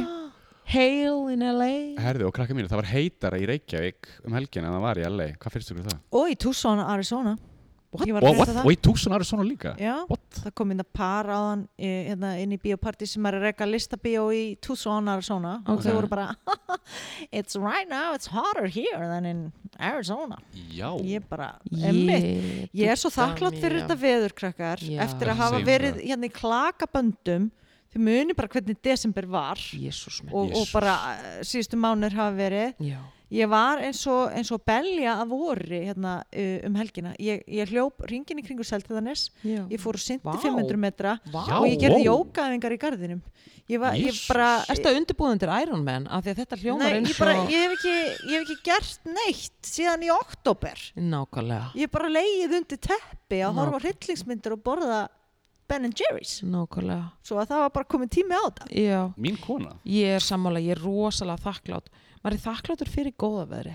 Við erum að koma undan alveg fárámlegum kulda vetri Já. Og nú Þetta er bara bjart verið þegar maður vaknar, Já. Bjart á kvöldin. Ég elska þetta. Þetta eru bjarti tíma framöndan, guys. Já, oh, við endum þetta á allavega þessum fréttinnar á þessum nótum. En nú erum við bara komin í ammælisbönnin sko. Er þið tilbúin í það? Ég held það. Við erum í 21. februar, við skildum við þá síðast. Og það er Elliot Page Elliot, Elliot Page. Page. 36 Vel ára. á minnst. Já. 36 ára og skum honum bara innilega til hamingju og velfarnar.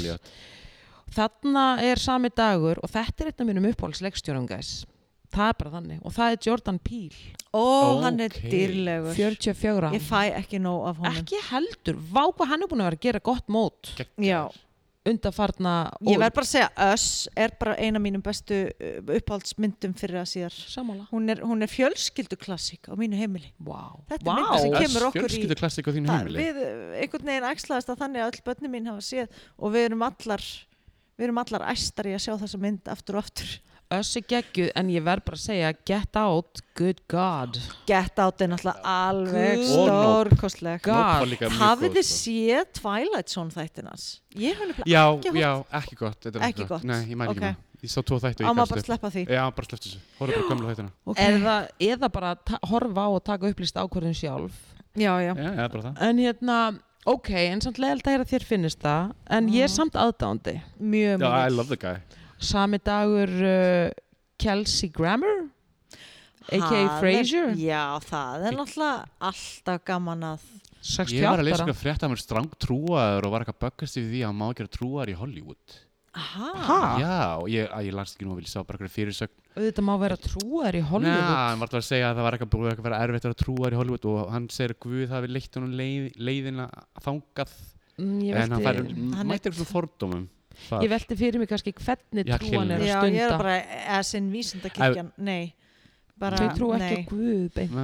Hann er kannski bara mormoni Hvað er hann? Hvort hann sé I'll get back to you on that I'll það get back to you já, Kannski það getur verið flókið að vera mormoni sko Guð, já líka votti vantilega Já. En heyrðu, ok, 22. februar þá erum við, við erum komið þangað við óskum hennu samt til hamingjum Já, amma já, og sjálfsögðu. ljós heyrðu, 22. februar Drew Barrymore 48 Ó. Girl. En Ég það er nú ekki sætasta stelpan í bænum sko. hún er það. Hún, er, það alltaf, hún er alltaf jafn sæt. Og indislega það geistar Já. eitthvað svona gott frá henni. Hún var óksla svona var í svona erfiðum uh, samböndum og einhver svona nettur hún en var hún ekki svo komin bara á beinubrautina og Jú. búin að finna ástina hverjum er Þetta hún var eitthvað eftir hérna E.T. Hún- Málið hún- er- Hún byrjaði eitthvað 12-13 ára að hún byrja byrjaði að kók. djamma mjög ung Já, hún já, er já. náttúrulega barnastjarnar Já. Já. og, og ég menna fræðin fer mjög illa í fólk og sérstaklega börn að þú veist, ég er ekki tilbúin fyrir þetta og þú veist, ég man að hún var að segja frá hún var í einhverjum sko svallpartjum ymmit þegar hún var bara 13 ára sko. Já, já. Jesus. En hún var einhvern veginn búin að jafna sig á því og var með comeback bara í wedding singer og öllu þessu dóti já, en svo hún er með talkshow uh, fór eitthvað aftur hallunda fæti og hún uh, og hún var eitthvað, þú veist, að skilja og, og já, eitthvað, eitthvað svona almennt vesen já. en svo var aftur uh, hvern, hverjum er hún með í dag? Hún er ekki með honum hérna Green Tom, hérna, nei, þau eru Nei, skilin þau sko. skildu ég heldur hún að Hmm. vera í nýslu þá sko þá emmitt var hún í ykkur rugli já. en nú er hún aftur, er hún ekki bara sober og bara líður vel hún er bara sober já. en kannski er hún bara ein og ánægð eins og margar konur eru. konur eru. já, ekkert að því. Ég þarf engan mann. Nei,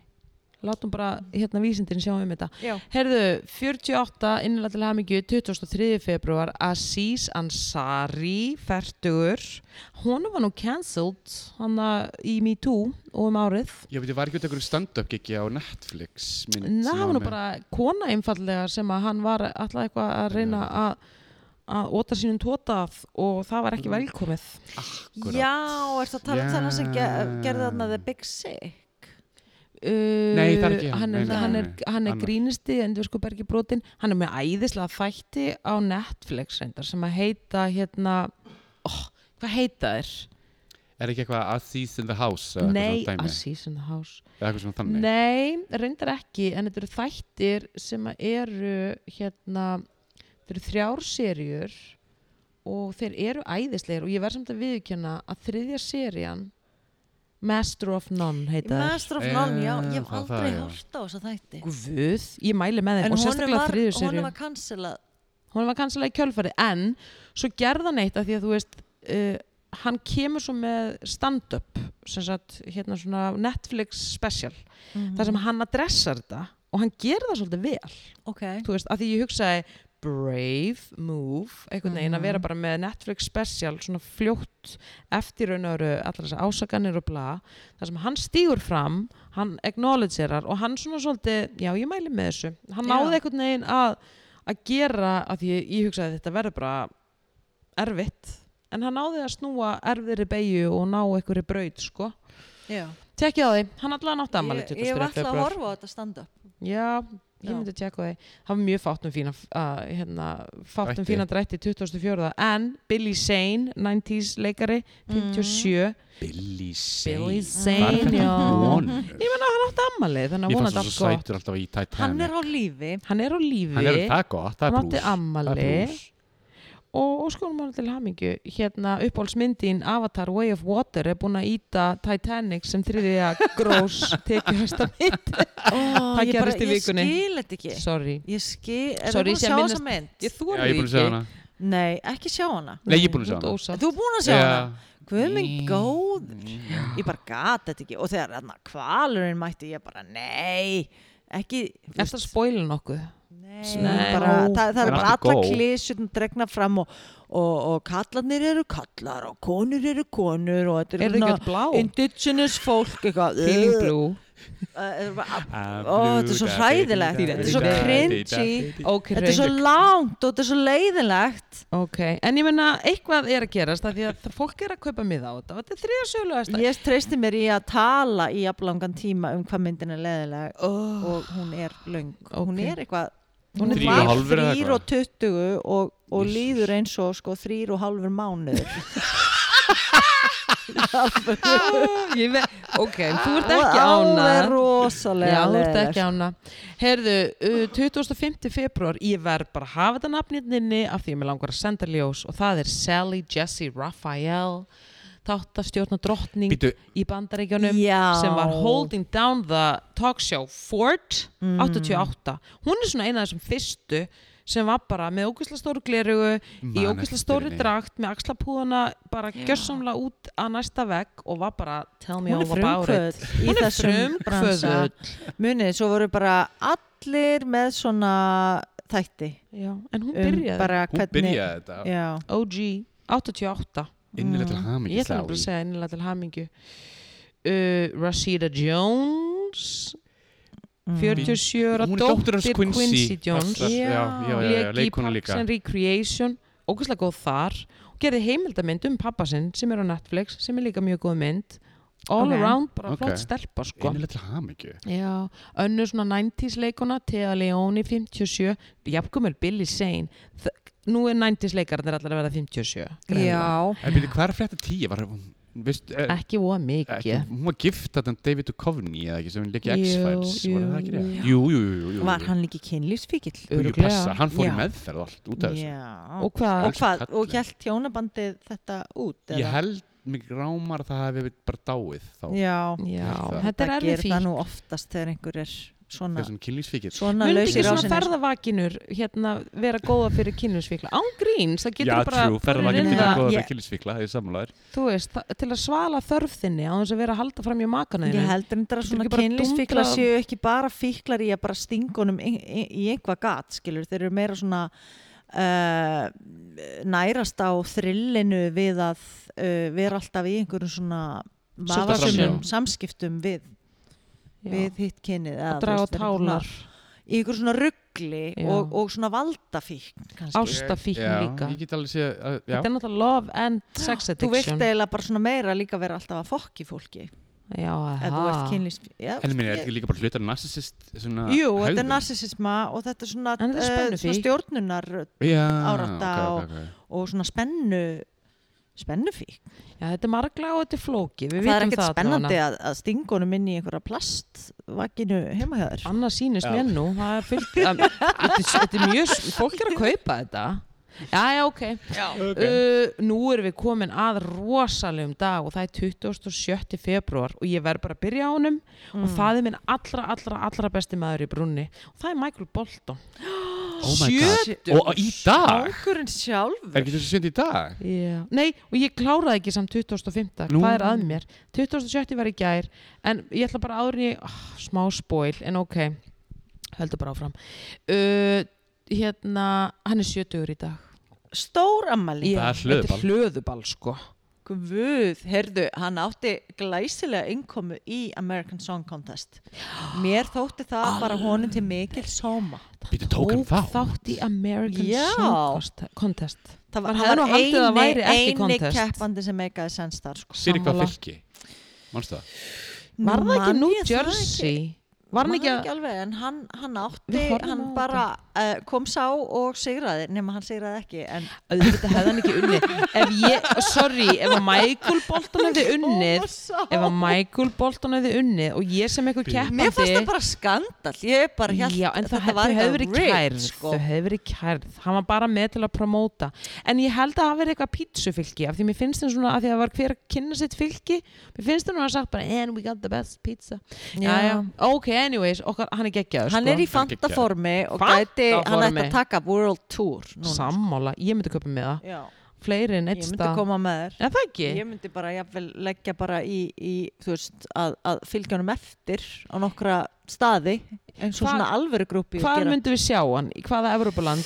Eða myndum við, Við ekki halda myndum okkur í reyna að halda okkur í svona sunnanverðri Evrópu þar sem veðrið er gott. Já. Spán eða Portugal Já, ég var alveg til að sjá hann í Róm Ég myndi ekkert alveg leggja á mig að fara til Finnlands eða eitthvað að sjá hann. nei, nei, nei, við viljum hafa sól og við viljum hafa gaman. Við viljum bara já, hafa það huggulegt Ítalía spát og ég kom over Berido Herðu, sami dagur Erika Badu 52 Girl. Mikið Já. opbáslega, hún er alltaf flott. Elskana. hún er geggjuð Sami dagur Linda Lóiskó við ætlum bara að segja til hamingju ammalið og sjára Til hamingju Lind Já, til hamingju Linda. Linda mín. Já, til hamingju og Johnny Cass hefði átt ammalið sama dæmi langa bara að hafa það með Já, henni flott. legend mm. En ok, sorry, ég fór svolítið fram úr okkur að því ég er svo æst, en Chelsea Handler hefði átt ammali 25. februar. Grínisti. Veistu ekki hvað Chelsea Handler er? Hún er hérna, Ógeðslega hún góð. er stand-up grínisti, kjáftfór, mjög kjáftfór. Þú myndir fíla hana. Já, þú myndir Ég Þú veit fíla hana. hver þetta er Já, Hún er ógeðslega fyndin. Já. Hún er með svona stand-up special á hérna Netflix. Ég mæli mig klárlega með þessu, sko. að Eða fílar ekki stand-up. hún er svona þórin meðan elska aðri það. þegja og hún er að láta biblíubeltið heyra það, Eh, sko. Já. Alveg brjálu. Var rosa drikkveld, en já, En það fór svo illa með livrinn á henni og, og hún var aðeins farin að láta á sjá þannig að nú er hún að reykja the hefur það Buddha. rosa fínt sko oh, ok Já, hörðu þá er bara dagurinn í dag my guys og það er hérna söngkona úr, úr, úr hérna þrýegi og það er uh, Rosanda Chili Thomas.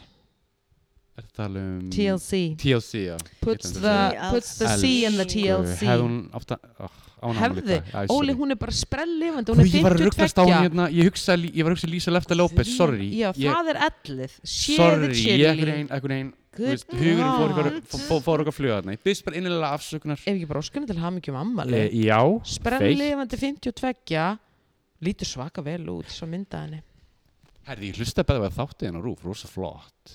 Já, það sem ég er í Geggjað. óskalaga Já, vel, flottu listi. Ég var aldrei lag með þeim Ég var mikið að hlusta Ég veit það, 90 þú, þú, setur creep. Ég með creep. Oh. So I creep Yeah. Ok, ekki gott að vera að syngja En anyways, innlega til hamingju elsku besta Sami dagur Og það er dagurinn í dag Chelsea Clinton 43 Ú, Elsku.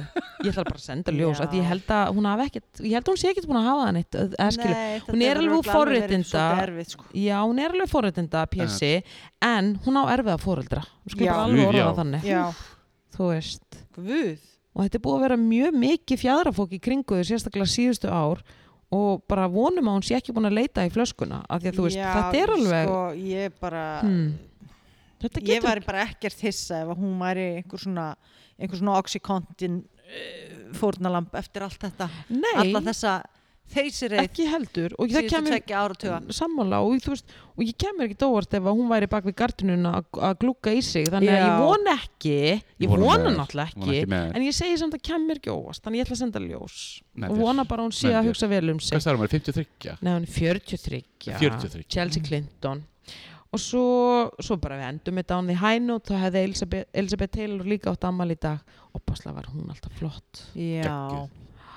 alveg geggjuð og hérna og, og indisleg fyllibita Já, hún var fyllibitta en hún var samt eitthvað, hún barða svolítið vel, eða svona það sem maður sá það var alltaf í Já, henni hún var já. aldrei edru, En það alltaf var í svona henni ótrúlega skröðlega sögur til af henni Já, sko. alltaf með diamonds Já. alltaf glamorous, alltaf tipsy plus Mhm. Michael Jackson var náttúrulega bara að reyna að vera eins og hún Já. hann elskaði hana að Michael Jackson hafa reynið að vera eins og Elizabeth Taylor Já, hann elskaði Já. Michael Jackson, nei hann elskaði Það Elizabeth Taylor Horfðu bara það. er þegar að hann er komið það. með lagninguna maður er bara, yo my guy talandi um að stela stílnum Eh, hann er bara já. eins með turbaninn hann var bara alveg, eða þú bara þegar þú segir það skilur, Já. þá hefur þá er hún bara, já Hún er hans fyrirmynd. spirit animal sko og tísku fyrirmynd og bara Já. fyrirmynd í lífinu en uh, já, já, krakka mínir við erum bara komin á leiðarenda við erum, við erum bara komin á enda Já. eða Við erum- stoppstöð já, þetta er stoppastöðin Þetta og er við erum stoppstöð. komin á hana mikið opaslega er þetta búið að vera skemmtilegt og, og bara gaman að sitja þarna með ykkur og fara við mál líðandi stunda og bara allt saman. Liam O ég geti leiði þetta bara í allan dag og Já. mala og mala í þessum sófa. Í þessum hvíta sófa. Já, ég segja það með þér. Og, og það er, við erum búin að fara um viðan völl. Við erum búin að fara við hann völl. Fara við mjög mörg uh, mikilvæg málefni sem erfið en mikilvæg samt. Mhm. og ég held að við séum alveg búin að gera svo góð skil. Hvað segir þið? Ég er sammála, Já. Þú gengur Já. sátt frá borði líka? mjög sátt Ok. Uh, já, og ég ætla bara að minna á þýsku kvikmyndaháttíðina sem að stendur yfir og, og minna á að, að þar er margt og hérna margar og mjög góða myndir að sjá og hvað vilt þú bæta við hrönn mín? margra, uh, já, kenni margra grasa og það heldur áfram núna uh, alla vikuna og fram við næstu helgi Já, og svo skal ég, ég ætla að vera bara sérstakur útsendari ykkar á kann og ég kem bara aftur þá því að þá þarna kem ég ég, ég, ert að fara á ég fer í mæ þegar það er. Jesus. og þá kem ég með sjóðheita sögur því að þar fer ég yfirleitt í bíó með öllum uh, stjörnunum og, og, og þar, uh, þar er ímiskonar uh, það gengur eins það eru dólkar og það eru, það eru uh, villains og það eru líka uh, já, við getum bara sagt að það er alls konar fólk sem að sem að hérna lætur sjá sig á kann og það, það gerist ímislegt þar Ég treysta á að Yes. þú verður með vökult auga þú tekur eftir sko bara öllu sem að þar fyrir fram og svo kemur hérna beint í sófan og þú reportar ég get ekki við lofa að það verði flugdólkur þetta er nú fyrst skipt sem ég Nei. lendi Nei, þú en- lofa- Og vonum dólgur. náttúrulega ekki Nei. en ef það verður þá segir þú frá því og bara vökult auga og, og ég mæti með gafferteipið maður verður að Það- vera maður með veit það aldrei. Day in, day out. Því að það er bara Já. þessir dólkar leynast víða en heyrðu, my guys, takk fyrir samveruna og, Sumulegis og takk öll þið hinn og fyrir að hlusta og bara þanga til næst. Bye. Takk fyrir, bye. Bye